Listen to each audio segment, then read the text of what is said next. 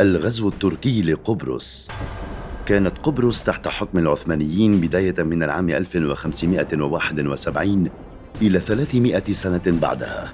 خلال هذا الوقت عقد ما يسمى باتفاقية قبرص بين بريطانيا والعثمانيين والتي تم تأجير الجزيرة بموجبها للبريطانيين عام 1878 بقي الحال كما هو عليه حتى اندلاع الحرب العالمية الأولى وخسارة العثمانيين فيها.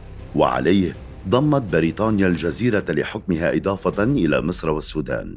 في تلك الفترة وخلال الاحتلال البريطاني كان سكان الجزيرة يتكونون من مكونين أساسيين وهما الأتراك القبارصة اليونانيون القبارصة. وعليه كان من السهل جدا على بريطانيا اتباع سياسة فرق تسد. فكان كل من المكونين يعتبر نفسه الأكثر انفتاحا والأكثر تطورا من الآخر.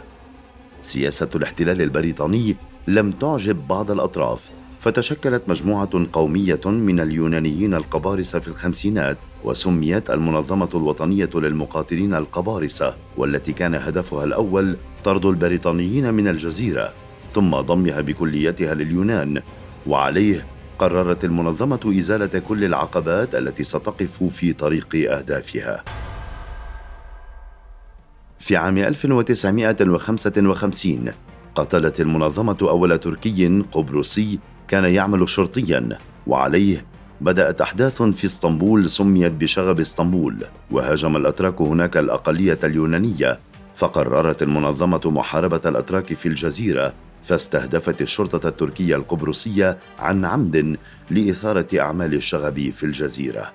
في أعقاب هذا التطور تشكل ما يسمى في منظمة المقاومة التركية وكان هدفها الوحيد منع الاتحاد مع اليونان فقد اعتبروا هذا الاتحاد تهديدا وجوديا فتلقت هذه المنظمة الدعم من تركيا ونظمتها وأعلنت الحرب على القبارصة اليونانيين عام 1960 إلى 1963 تم الإعلان عن أن الجزيرة دولة مستقلة وأن الحل الوحيد هو وضع اتفاق بين القبارصة الأتراك والقبارصة اليونانيين.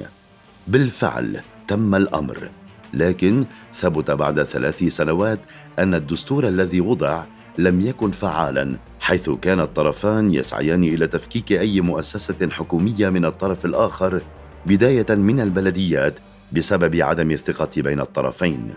في ربيع العام 1974 حصل انقلاب عسكري في اليونان فتم استبدال المجلس العسكري بآخر هناك فكان رد فعل مكاريوس الرئيس القبرصي ورئيس الاساقفه أن الوضع ضمن صفوف قبارصة اليونان ليس جيدا لكن وبدون سابق إنذار وفي ذات العام حصل انقلاب على مكاريوس حيث قامت أقسام من الحرس الوطني بقيادة ضباط يونانيين بالإطاحة بالحكومة. نجا مكاريوس بأعجوبة ورحل إلى مدينة بافوس ثم إلى بريطانيا عبر طوافة عسكرية من الباب الخلفي للقصر الرئاسي. نيكوس سامسون أصبح رئيسا مؤقتا للحكومة الجديدة لكن هذا الرجل كان معروفا بتطرفه القومي وكان مناهضا للأتراك وشارك في أعمال عنف سابقة. استولى نظام الرجل الجديد على مفاصل الدولة لكنه مع هذا لم يكن يريد إثارة رد فعل تركي.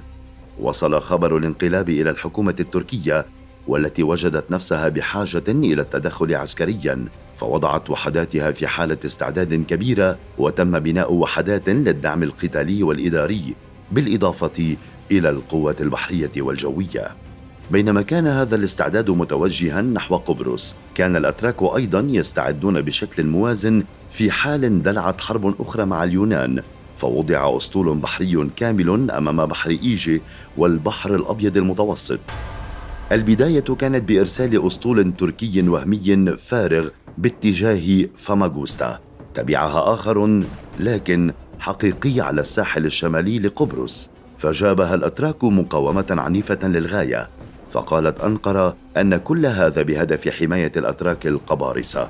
ردا على هذا قام القبارصة اليونانيين بإحراق أحياء كاملة تابعة للأتراك وأسروا أكثر من 1300 تركي قبرصي في معسكرات اعتقال وهذا الأمر جعل من القصف التركي للمنطقة أمرا حتميا.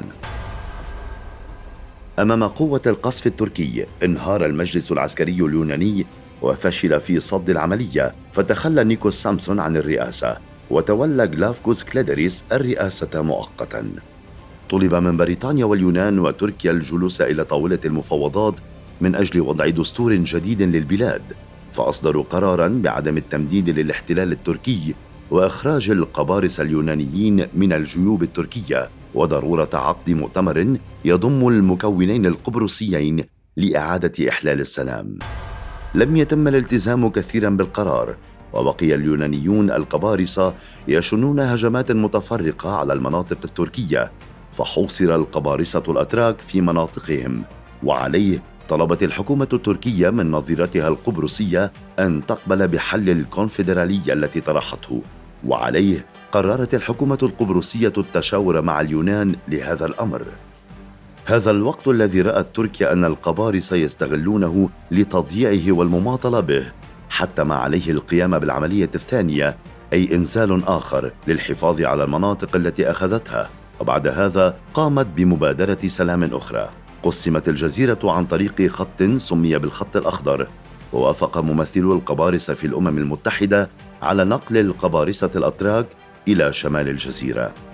قالت تركيا أن عمليتها الثانية كانت بهدف ضمان الأمن والاستقرار في الجزيرة لكن تداعياتها أثبتت العكس تماما فأصبح الشمال القبرصي مفصولا عن جنوبه ويخضع للإدارة التركية. وبشكل غريب اعترفت الأمم المتحدة بهذا التقسيم فعلى ما يبدو لا يوجد حل آخر.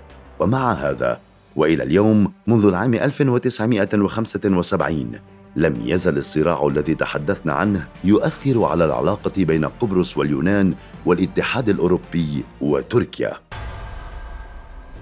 أعلنت تركيا استقلال القطاع الشمالي عن قبرص تحت الحكم التركي عام 1983 وصراحة تم مواجهة هذا الأمر في مجلس الأمن الدولي لكن محكمة العدل الدولية لم تجد مبررا لديها أو قانونا ضد إعلان استقلال أي دولة وعليه المباحثات ما زالت مستمرة حتى اليوم.